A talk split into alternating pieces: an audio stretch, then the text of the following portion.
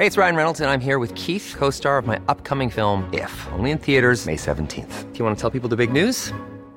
All right, I'll do. Sign up now and you'll get unlimited for $15 a month in six months of Paramount Plus Essential Plan on us. Mintmobile.com slash switch. Upfront payment of $45 equivalent to $15 per month. Unlimited over 40 gigabytes per month. Face lower speeds. Videos at 480p. Active Mint customers by 531.24 get six months of Paramount Plus Essential Plan. Auto renews after six months. Offer ends May 31st, 2024. Separate Paramount Plus registration required. Terms and conditions apply if rated PG. Halo pendengar GGP Podcast, baik lagi bersama kita berdua dan seperti yang teman-teman tahu, minggu ini adalah minggu yang membahagiakan untuk semua fans MU karena kita baru saja merayakan three back to back win setelah yang terakhir kali kita merasakan tuh tahun lalu. Jadi puasanya udah cukup lama nih kita Betul. merasakan tiga kali kemenangan beruntun, apalagi dua tuh di away. Hmm. Yang mana itu lebih lama lagi kita akhirnya merasakan uh, euforia plus adanya clean sheet dari uh, fansnya MU gitu kan. Nah pasti teman-teman juga tahu ya kita refer ke match apa gitu kan. Dan makanya gue mau nanya ke Alvin dari mulai terkait dengan line up ya, ngebahas tidak ada yang berubah, uh, formasinya juga masih sama, Casemiro masih datang dari bench, Ronaldo juga di bench juga. Apa yang lo bisa lihat dari uh, tactical uh, Ten Hag kemarin, Vin? Kalau misalnya bicara formasi ya dan juga susunan pemain, gue sebenarnya cukup kaget karena tidak ada perubahan sama sekali dari pemain-pemain yang diturunkan di minggu lalu. Karena kita tahu sendiri bahwa nanti di hari Minggu kita akan lawan Arsenal. Itu satu. Kedua, kita main lawan Leicester itu agak late ya, agak di Jumat pagi. Itu pertandingan terakhir dibandingkan match-match lainnya yang main di Selasa ataupun Rabu gitu. Jadi eh, kita tuh pertandingan terakhir dan nanti kita juga pertandingan terakhir juga hari Minggu dan itu waktunya paling mepet itu match kita gitu, match MU Arsenal. Jadi menurut gua em, agak cukup ini ya berjudi juga menurut gua Erik ten Hag ketika menurunkan skuad yang sama. Apalagi ketika kita melihat bahwa Christian Eriksen ini bermain 90 menit dan juga tadi revealed di Twitter bahwa dia eh, distance coverednya yang paling jauh yaitu 10 km dibandingkan pemain-pemain lainnya di lapangan pada saat itu di match tersebut. Jadi kan kayak Eriksen yang kita rasa mungkin awalnya hanya akan menjadi backupnya Bruno Fernandes, tapi ternyata dia menjadi salah satu pilar paling penting di MU pada saat ini. Hmm, oke. Jadi ini kemarin tuh bener-bener kalau yang gue tangkap ya, Alvin tuh pengen bilang kalau kemarin tuh Ten Hag sedang melakukan perjudian. Kenapa? Karena mepetnya jadwal, dua akhirnya formasi tidak berubah. Karena jujur gue juga mikir, oh mungkin yang main Luke Shaw. Oh mungkin Betul. yang main adalah uh, let's say Maguire dikasih jam bermain gitu kan. atau at least beberapa CB-nya. orang bahkan Eh, Maguire, iya gitu kan. Karena kan dia comeback kan ke King Power dan dia juga sempat terlihat melakukan warming up di Betul. babak kedua kan. Eh, jadi gue kira mungkin dia akan masuk menggantikan siapa entah gitu. Tapi ternyata eh, tetap eh, partnershipnya eh, sampai akhir gitu kan. Nah kalau ngomongin terkait dengan squad ini benar ada fakta menarik ya. Bagaimana akhirnya ini adalah kali pertama untuk Cristiano Ronaldo itu bermain dari bangku cadangan selama tiga match beruntun setelah Hmm. sebelumnya itu tahun 2005. Jadi selama 17 tahun tuh Ronaldo nggak pernah tuh bermain dari bangku cadangan tiga match beruntun gitu kan. Dan sekarang akhirnya di bawah Ten Hag, eh di bawah ya di bawah Ten Hag tuh semua akhirnya eh, possible gitu kan. Nah dengan akhirnya kemenangan yang kita dapat kemarin gitu. Dan lo tadi bilang kan kalau Erikson segala macam. Tapi kalau misalkan lo boleh lihat gitu kan secara man of the match ada nggak mungkin satu pemain yang menurut lu dia menonjol secara eh, kualitas dan secara gameplaynya sesuai dengan tactical Ten Hag? Menurut gue justru Erikson itu sendiri menjadi man of the match gitu. Karena dia benar-benar menjadi jembatan lini tengah dan juga lini depan.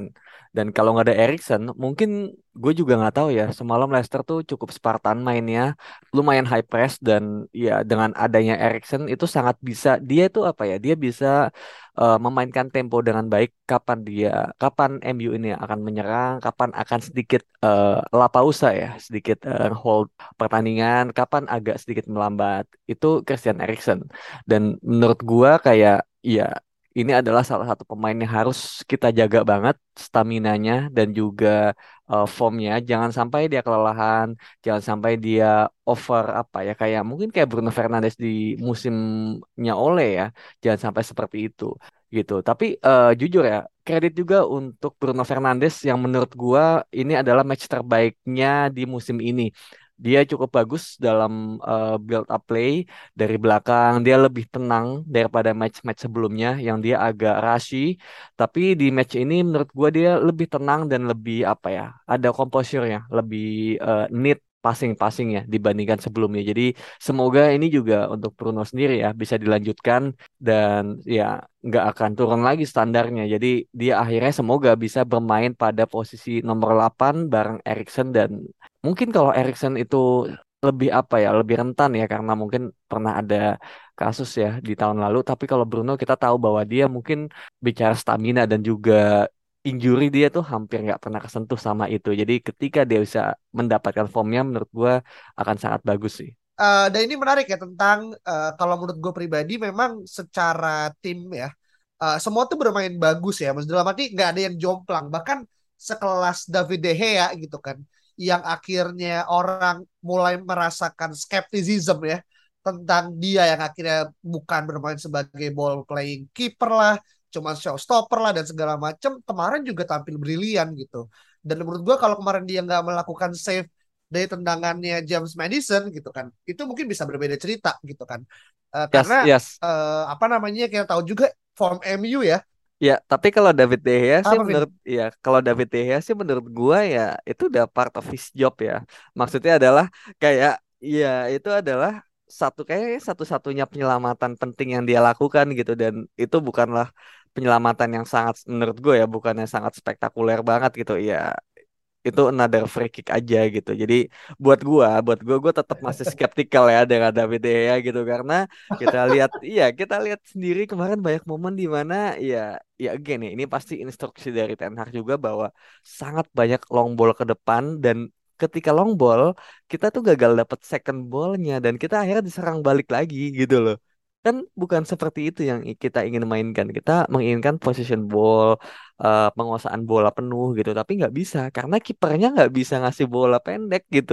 Padahal kita punya pemain-pemain lainnya tuh yang bisa main kayak Martinez, Varane semua itu bisa main gitu. Jadi kalau gua gua masih skeptikal dengan David De Gea Oke, oh, ya, ini kan akhirnya kepecah ya uh, terkait dengan gimana akhirnya kita melihat pemain. Tapi terlepas uh, skeptis atau tidaknya dengan De Gea, tapi kemarin tuh dia akhirnya mencahin rekor uh, sebagai apa namanya uh, kiper MU ya akhirnya memiliki clean sheet terbanyak kan di angka hmm. 133 uh, melampaui Tim Howard dan juga Van der Sar di angka 132 gitu. Jadi uh, ya kita akhirnya boleh berdebat tapi data yang akhirnya terjadi emang itu jadi satu rekor yang emang menurut gue uh, cukup fantastik buat seorang kiper yang memang kita tahu dari tahun 2011 sampai tahun 2022 11 tahun dia udah ada di uh, eh, MU dan menurut gue itu satu hal yang akhirnya perlu kita appreciate in other way kayak gitu. Nah, hmm, hmm, hmm. ngomongin masalah uh, pemain gitu kan. Dan kemarin di lini depan kita nggak berubah ya uh, Rashford, uh, Sancho dan juga Elanga gitu kan. Dan apa yang Alvin bilang terkait dengan kebutuhan akan wing kanan tuh kemarin kerasa banget ya. Kalau hmm kita lihat kan di babak-babak awal Elangga tuh sudah dapat kan beberapa kayak trupas gitu kan. Iya, iya. Yang mana sayangnya dia tuh nggak bisa nge-convert itu jadi semacam dangerous chances gitu. Kenapa? Karena menurut gue ya dia terbatas saja gitu. Uh, terbatas dan juga mungkin instingnya dia untuk akhirnya me, apa namanya menimbulkan uh, bahaya juga akhirnya tidak sebagus kalau memang kita menempatkan let's say orang pengen lihat Anthony kemarin nggak ada gitu kan. Jadi uh, benar-benar kelihatan gitu kan secara permainan tapi melihat akhirnya gol yang datang dari counter attack ya yang gua anggap ya betul uh, betul. diselesaikan dengan klinis dengan sama Jadon Sancho. Lo ada nggak? Apa poin untuk yang pengen dikomentar terkait hal itu? Um, yang gue mau komentar mungkin kita lihat ya bahwa ya oke okay, gitu meskipun counter attack tapi uh, eh, gue juga mengapresiasi bagaimana Diego Dalo juga sangat uh, bagus ya dalam membaca permainan.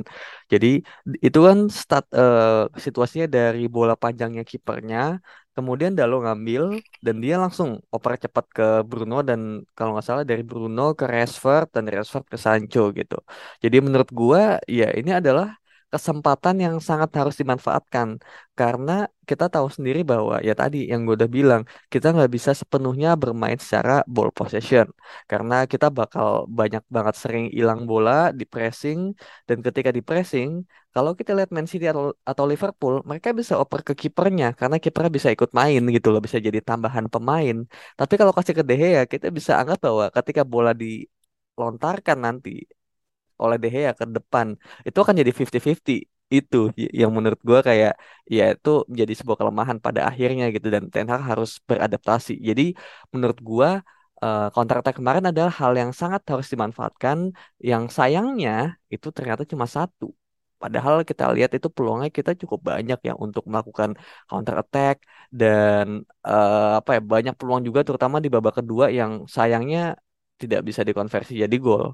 Iya, berarti kan memang secara hasil kita bisa melihat ini adalah satu poin yang eh, kita shield ya.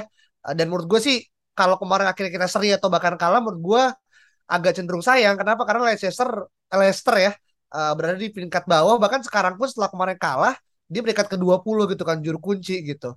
Yang mana gue gak expect juga tapi kemarin tuh satu pertandingan setidaknya kita bisa menjaga momentum ya untuk akhirnya kita bisa mengumpulkan mental untuk mencapai uh, level berikutnya gitu. Yaitu adalah di hari uh, minggu uh, pagi ya gitu. Eh minggu malam gitu untuk melawan Arsenal. Tapi sebelum gue berpindah ya Vin ya uh, ini sebenarnya ada poin menarik terkait dengan uh, bagaimana Ten Hag uh, selepas pertandingan tuh kan ditanya ya terkait dengan uh, keberadaan Cristiano Ronaldo ya. Hmm. yang akhirnya memilih untuk bertahan uh, sampai dengan bursa transfer ditutup yang mana menurut gue ini agak cukup berbeda ya dari report-report uh, yang beredar ya. Kita akan bahas secara terpisah terkait dengan bursa transfer MU tapi dia bilang kalau Ronaldo di bench itu bukan karena terkait dengan apa-apa tapi kita juga punya banyak pertandingan yang akhirnya uh, akan dilalui. Dan kita tahu juga minggu depan itu udah mulai masuk ke UEFA Champions League kan. Hari Kamis kita bertemu lawan Real Sociedad uh, di home gitu kan di mana Europa League bro sorry Europa League Europa League ya kayak gitu kan. Nah lu ngelihat akhirnya komentar Ronaldo eh komentar Ronaldo komentar Ten Hag terkait dengan Ronaldo ini emang sekedar dia pengen akhirnya ya mungkin baik orang ngomong adlibs atau memang lu ngelihat ada Ronaldo dia akan tetap dibutuhkan terlepas dari Anthony yang mungkin dianggap masuk dengan skemanya uh, Ten Hag untuk bisa supply bola ke Ronaldo yang itu mungkin bisa jadi satu poin pembeda Vin. Hmm, situasi Ronaldo ini menurut gue memang cukup ini ya cukup pelik ya karena um, seperti yang kita tahu bahwa Ronaldo ini sebenarnya pemain yang bagus kalau sekarang ya maksudnya di umur yang masuk ke 38 ini menurut gue masih pemain yang bagus dan bisa dimanfaatkan sebagai goal scorer dan juga di luar lapangan uh, kita bisa memanfaatkan dan juga kita bisa mendapatkan benefit dari leadershipnya dan juga mentalitinya. Nah, cuma itu harus bisa dimanage dengan baik dan kalau nggak di manage dengan baik, yang terjadi adalah ya perpecahan ataupun ego yang sangat tinggi yang tidak bisa dihandle oleh para pelatih. Dan itu terjadi di dua pelatih sebelumnya, di Rangnick dan juga di Ole.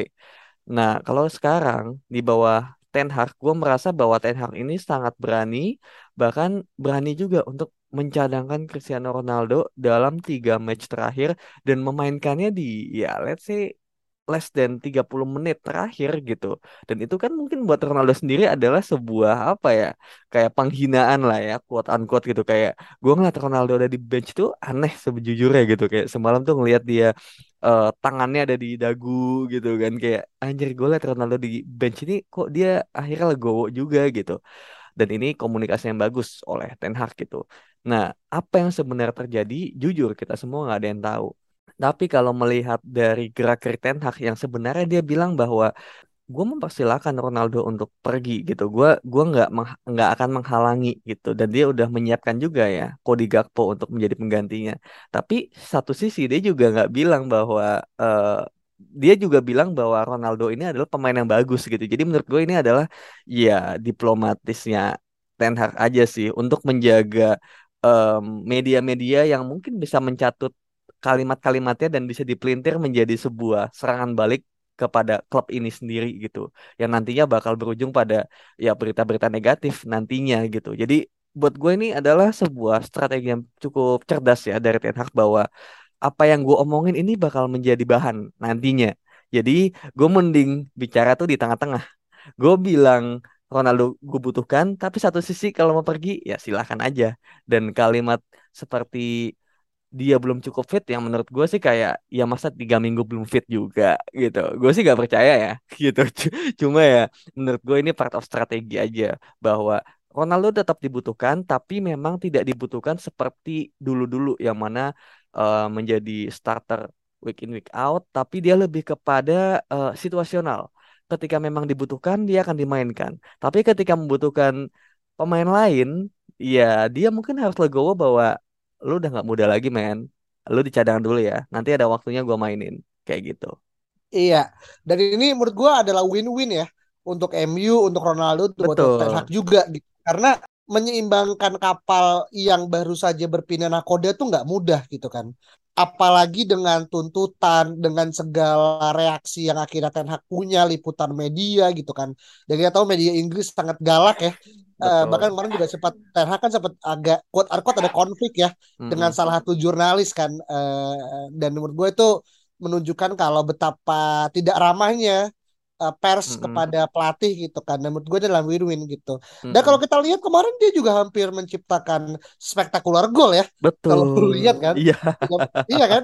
Dan iya. di umur 38 nih bisa bicycle kick uh, sama bagusnya ketika di umur 20-an menurut gue itu hal yang akhirnya undervalue gitu dan orang kadang nggak appreciate itu sebagai bagian dari Ronaldo mau menurunkan ego dia menunjukkan ya dia pengen jadi orang yang tetap berkompetitif meskipun tahu kondisi dan juga situasi MU yang akhirnya uh, apa namanya ada. Dan gue yakin sih dalam arti kita ini akan main kurang lebih 60 pertandingan ya. Kalau emang mulus sampai dengan tahapan akhir terus gitu kan empat uh, apa namanya uh, cup uh, kompetisi gitu kan. Yang mana menurut gue sih kalau dia akhirnya apa namanya punya uh, semangat yang tinggi untuk akhirnya bisa membuktikan sih menurut gue nggak ada kata yang lain untuk akhirnya bisa terus keep up dengan apa yang uh, menjadi kebutuhan tim gitu kan.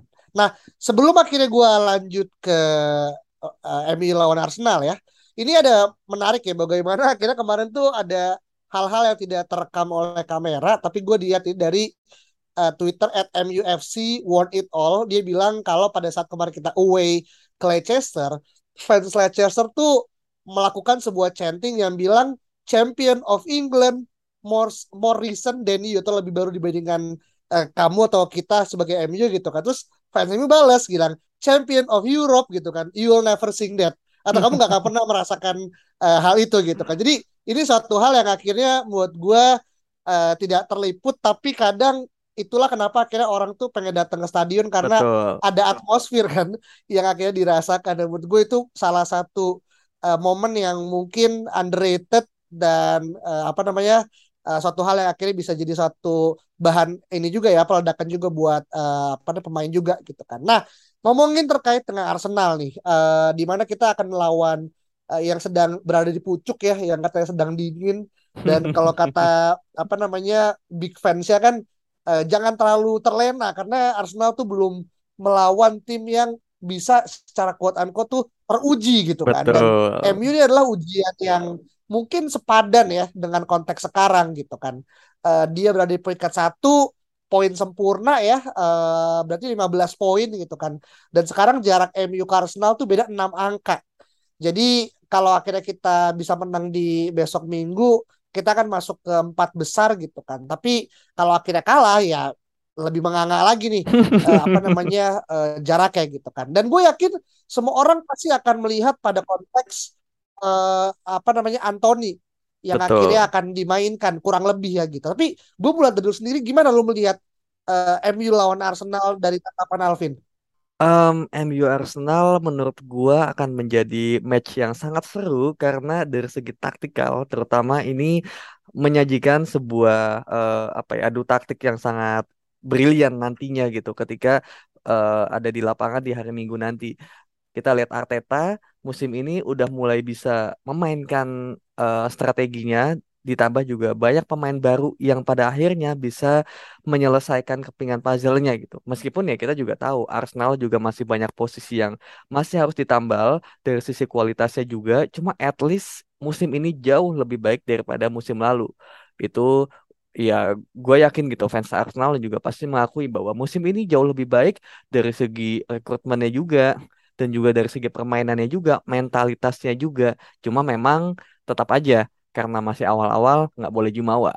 Nah, di satu sisi MU pun dengan hingar-bingar di awal musim, di preseason, kemudian sempat jatuh ya di dua match awal, tapi kemudian bisa bangkit lagi, terutama menang lawan Liverpool, itu menurut gua adalah sebuah booster yang sangat-sangat besar juga, nggak kalah dari Arsenal. Jadi menurut gua nanti akan menjadi pertandingan yang berimbang, akan saling serang dan menurut gua nggak akan ada yang malu-malu sih gitu karena ya masih awal musim juga Arsenal kalau kalah juga ya apa ya kayak nat kasarnya bukannya nating tulus juga ya tapi kayak ini tuh udah lebih dari bagus untuk Arsenal. Ada di rank 1 di atas Man City Em, dan kalau untuk MU juga kayak ya MU sih mungkin harus menang ya karena di kandang dan juga sedang dalam tren yang bagus. Eh, tapi gue tidak merasa bahwa Ten Hag ini akan bermain dengan sangat hati-hati gitu. Mungkin hati-hati dari segi em, pilihan pemainnya karena jadwalnya sangat padat dan juga pemain yang eh, kedalamannya juga segitu-gitu aja skuadnya ya. Tapi dari apa yang akan ditunjukkan di lapangan itu menurut gue akan sama seperti ya, terutama di lawan Liverpool akan sangat Spartan. Itu yang akan terjadi nantinya. Hmm, oke. Nah, lu sebenarnya belum belum menjawab sih terkait dengan Anthony gitu kan. Karena Oh kan ini kan iya. yang yang harapannya menjadi manis ya. Karena kalau gue yakin kalau ini gagal, entah mungkin dia ngelakuin trik tapi mungkin kehalang sama pemain atau mungkin apa, gue yakin ini pasti akan jadi bahan bulian dengan price Hmm, tag-nya, oke. hype dia gitu. Lu melihatnya gimana? Oh, Potensi oke. Anthony akan debut? Oke, Anthony pasti bermain, cuma somehow gue masih yakin bahwa Anthony akan bermain dari bangku cadangan, gitu. Eh, apalagi dia juga di, eh, dia udah berapa kali nggak latihan kan, dan juga dia di last matchnya Ajax dia juga nggak bermain. Jadi sama gue yakin bahwa match fitnessnya dia pasti udah tidak selevel, tidak di level yang sama dengan pemain MU pada saat ini. Bahkan ya kalau mau kita nge-quote kalimatnya Ten Hag ya. Ronaldo dan ya Ronaldo ya. Ronaldo itu belum mencapai match fitnessnya. Itu Ronaldo ya yang udah latihan yang udah eh, bermain di banyak match juga sama MU di tiga match ini gitu. Tapi masih dibilang belum mencapai match fitnessnya. Apalagi Anthony gitu yang sempat tersendat gitu. Jadi menurut gua dia akan bermain dari bangku cadangan dan gua harap ya dia akan membawa sebuah perubahan terutama dari sisi eh, skillnya ya. Yang mana kita lihat dia kan suka muter-muter ya. Gue nggak tahu itu akan 360 dilaku back ya. iya. Gue nggak tahu apakah itu akan dilakukan. Tapi mungkin kalau misalnya situasi sedang eh, apa kita sedang unggul gitu terus lagi butuh apa eh, buang-buang waktu ya ya apa ya ini bakal menjadi naninya gitu naninya MU yang kita lihat mungkin di 2008 Nani sempat juggling ya lawan Arsenal kan Iya. nah ini Anthony mungkin akan muter-muter di ujung nanti gitu kan gitu. Eh, cuma untuk lebih seriusnya lagi eh itu ini agak sulit ya untuk untuk di apa ya diprediksi Anthony ini akan seperti apa permainannya karena jujur ya gue pun jarang menonton Anthony secara langsung. Jadi melihat seberapa klopnya dengan permainan MU gue juga belum tahu apakah akan ada kayak rasa-rasa grogi dari Anthony itu juga belum tahu tapi dari sisi apa ya mungkin mentalitas itu gue yakin itu akan sangat terbawa gitu. Karena ya Ten Hag dan Anthony ini kan sangat ini ya sangat apa ya kayak bromance banget gitu mereka. Kita bisa lihat kemarin ketika Anthony diumumkan dan juga mereka salaman ya salaman genggam tangan gitu di foto itu kayak Anthony itu sangat eh, apa ya antusias gitu. Jadi gue melihat bahwa ini Anthony akan kasarnya mungkin akan rela mati demi Ten Hag sih gitu.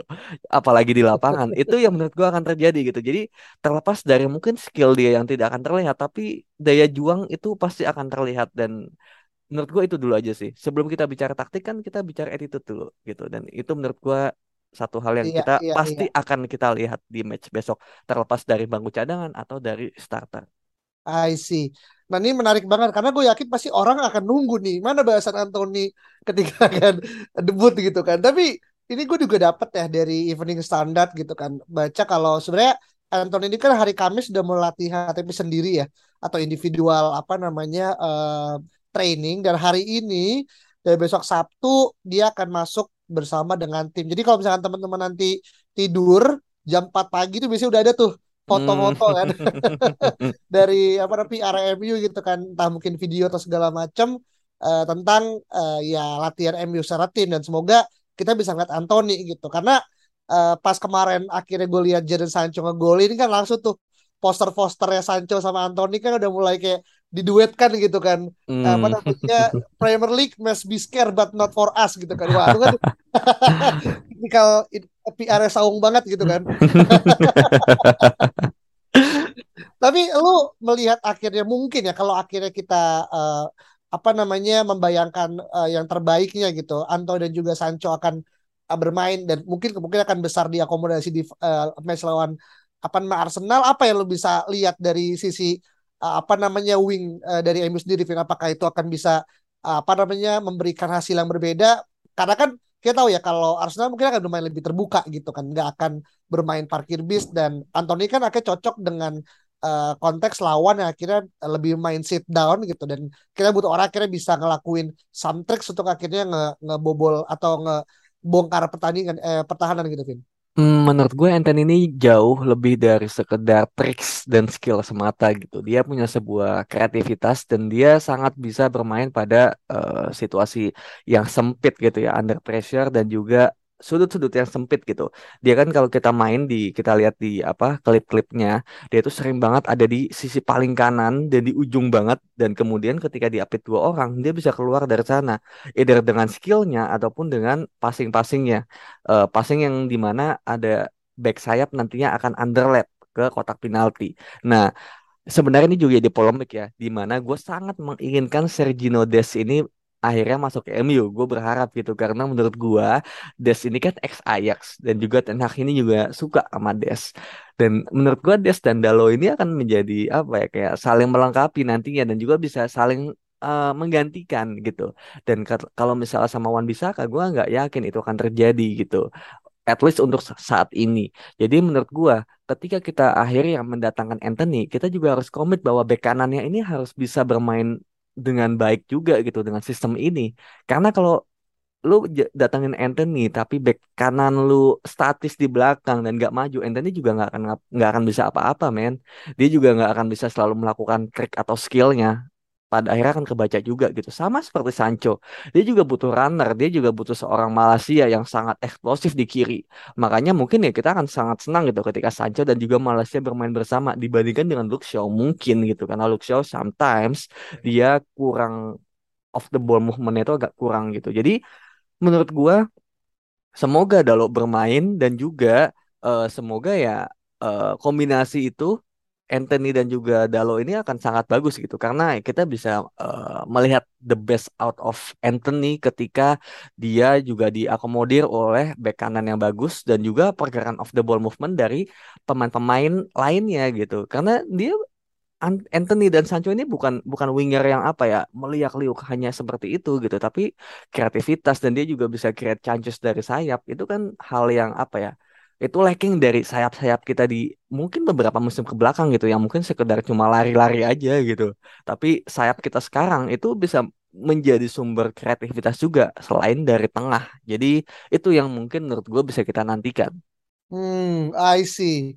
Jadi memang sebenarnya kalau kita bicara masalah idealnya kan memang keberadaan Sergio Des ya meskipun akhir yang bersangkutan sudah pindah ke AC Milan dan sudah resmi ya uh, memang agak disayangkan. Kenapa? Karena kita nggak punya tipe pemain back terutama di kanan yang akhirnya sama baiknya lah gitu secara menyerang. Apalagi kalau misalkan komparasinya adalah Wan Bisaka gitu ya akhirnya menurut gua ya just another Darmian 2.0 lah ya. Akhirnya hmm. berani nyentuh apa namanya apa uh, sepertiga lapangan uh, musuh gitu kan. Tapi ini yang menarik tentang uh, Liga Inggris ya. Bosannya ini juga gue baca ya.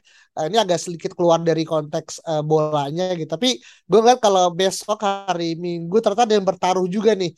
Uh, apa namanya seribu uh, apa namanya uh, seribu pans ya itu antara Gary Neville dan juga Piers Morgan gitu kan dan kita tahu ya gimana kayak Piers Morgan tuh punya semacam kayak dendam kesumat dengan Paul Pogba gitu. Dan kita menunggu apakah beliau akan melakukan statement-statement konyol lagi gitu kan. Uh, tapi lu ngelihat bahwasannya akhirnya banyak orang akhirnya look look up to untuk pertandingan besok gitu kan. Ada nggak sih secara ekspektasi yang lu pengen harapkan dari pertandingan MU? Karena kan gue kan juga lihat ya kalau banyak orang akhirnya sepakat MU bermain nggak bagus-bagus banget, Betul. tapi at least three points gitu. Nah, lu untuk Hmm. pertandingan besok lu berharap apa yang berbeda? Em, ya gue berharap permainan terbuka ya sebetulnya gitu. Terbuka dari kedua tim. Ya gue ingin melihat replikasi dari match Liverpool melawan Manchester City yang adu taktik kemudian juga saling serang dan ya gue berharap gue juga melihat itu gitu. Di samping gue juga ping- pingin eh, resultnya adalah ya MU yang menang juga gitu. Dari gue juga nggak mau ya gitu kayak mainnya bagus tapi ujung-ujungnya MU kalah gitu kan karena saking terbuka ya gitu. Cuma ya oke gue juga akui gitu result itu uh, really matters gitu dan the most important thing itu ya resultnya gitu. Cuma gue juga pengen lihat gitu bagaimana cara MU akhirnya meraih kemenangan gitu. Dan semoga gitu dengan attitude yang baik dan eh ya dengan permainan yang bagus juga gitu. Meskipun kemarin yang lawan Leicester itu tidak apa ya nggak lagi maksimal ya permainannya. Tapi at least kita bisa melihat bahwa oh MU ingin bermain seperti ini. Dan kita pada akhirnya tahu gitu oh seperti apa nih kekurangannya yang harus ditambal untuk let's say misalnya improvementnya dari segi eh, mungkin coachingnya pemain-pemainnya harus lebih apa lagi nih. Misalnya ya Eh, contohnya nih lawan Leicester kita bisa lihat MU bagus nih build up-nya dari belakang nggak lewat kipernya ya. Misalnya lawan Lisandro Martinez kemudian ke Eriksen ke Bruno gitu. Udah nyampe Bruno tiba-tiba end passingnya nih sebelum bikin peluang tiba-tiba dia salah oper. Atau biasanya Rashford nih dia salah oper atau tiba-tiba dia clumsy di depan gitu. Itu kan kayak end produknya tuh kurang gitu loh. Ketika di sepertiga lapangan tuh kurang. Padahal build up dan progresi serangannya udah bagus banget gitu. Jadi itu hal yang bisa kita lihat bahwa ini di akhir-akhir nih di akhir-akhir step sebelum lu bikin peluang ini harus diperbaiki lagi gitu. Nah, itu satu atau kedua kita bisa lihat posisi mana yang ternyata sangat urgent untuk ada eh, tambalan lagi gitu yang menurut gue lini tengah dan juga eh, bek kanan gitu dan juga striker gitu. Itu tiga posisi yang mana gue juga sangat ingin di deadline day kemarin itu akhirnya ada sebuah kejutan yang mana ternyata tidak ada sama sekali gitu. Jadi menurut gue eh, itulah hal-hal yang menurut gue eh, gue expect untuk kita bisa lihat bagaimana MU ini ya meskipun bermain di kandang sendiri bermain juga melawan Arsenal tim besar juga gitu. Maksudnya eh, sekarang juga formnya lagi bagus tapi tetap harus bermain dengan prinsipalnya dia gitu. Jangan kemudian jadi parkir bus terus-terusan gitu. Karena ya nggak ada bedanya dong kalau seperti itu. Gue pingin ada attitude yang baik. Dan juga eh, ya skema dari Ten ini tetap bisa terlihat oh ya one two passingnya kemudian triangle-nya eh, off the ball movement-nya pressingnya itu tetap harus terlihat. Itu menurut gue. I see. Dan ini emang harapan yang sempurna ya kalau tadi kita melihat bagaimana MU tidak hanya bisa securing three points tapi juga bermain sesuai dengan skema yang, dima- yang diinginkan oleh Ten Hag. Dan gue yakin eh, apa yang Ten lihat juga pasti belum 100% sesuai dengan yang dia inginkan ya. Terlepas pemainnya tidak sesuai, dan kita tahu banget saganya De Jong berakhir sebagaimana gitu kan. Eh, kita akan bahas di episode berbeda, tapi ini yang akhirnya perlu di-adjust karena seperti yang kita tahu ya bagaimana ya Ten Hag pun posisinya juga tadi ya dilematis dia juga harus bisa menyimbangkan kapal tapi juga ditutup dengan hasil sempurna gitu. Jadi ya jangan kaget atau jangan heran kalau setidaknya permainannya nggak begitu bagus tapi kita nyetak gol di menit akhir misalkan contoh atau pakai gol-gol yang eh, ajaib gitu ya kayak Betul. counter attack lah atau apa. Well, itu perlu kita biasakan untuk di musim ini gitu kan. Karena ya tadi gitu kita aja ngebeli pemain enam pemain lima tuh strike to the starting eleven gitu. Itu kan Iya, bisa iya. kita bayangkan eh, bagaimana akhirnya eh, boroknya MU itu kan muncul sampai pada tahapan yang sangat-sangat eh, permukaan gitu betul kan. betul. Karena squad yang lu punya itu sebenarnya nggak not good enough lah kalau bahasa gitu kan. Jadi ya itu yang harus kita eh, apa namanya eh, kombinasikan dari ekspektasi juga realita. Dan kalau teman-teman punya pendapat berbeda terkait dengan hasil atau mungkin jalannya pertandingan antara MU Arsenal di hari Minggu nanti yang termasuk dalam big match ya di eh, pekan ke 6 berarti ya dan betul. eh, iya pekan ke bener ya dan kita udah ketemu sama dua tim besar ya MU dan juga nanti akan Arsenal.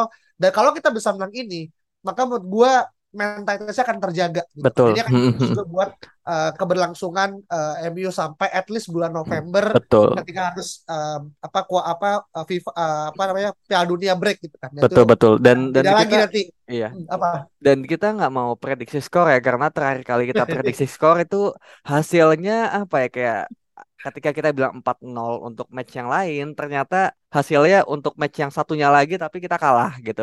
Jadi kayak apa yang kita ucapkan terkadang jadi backfire untuk kita sendiri gitu kan.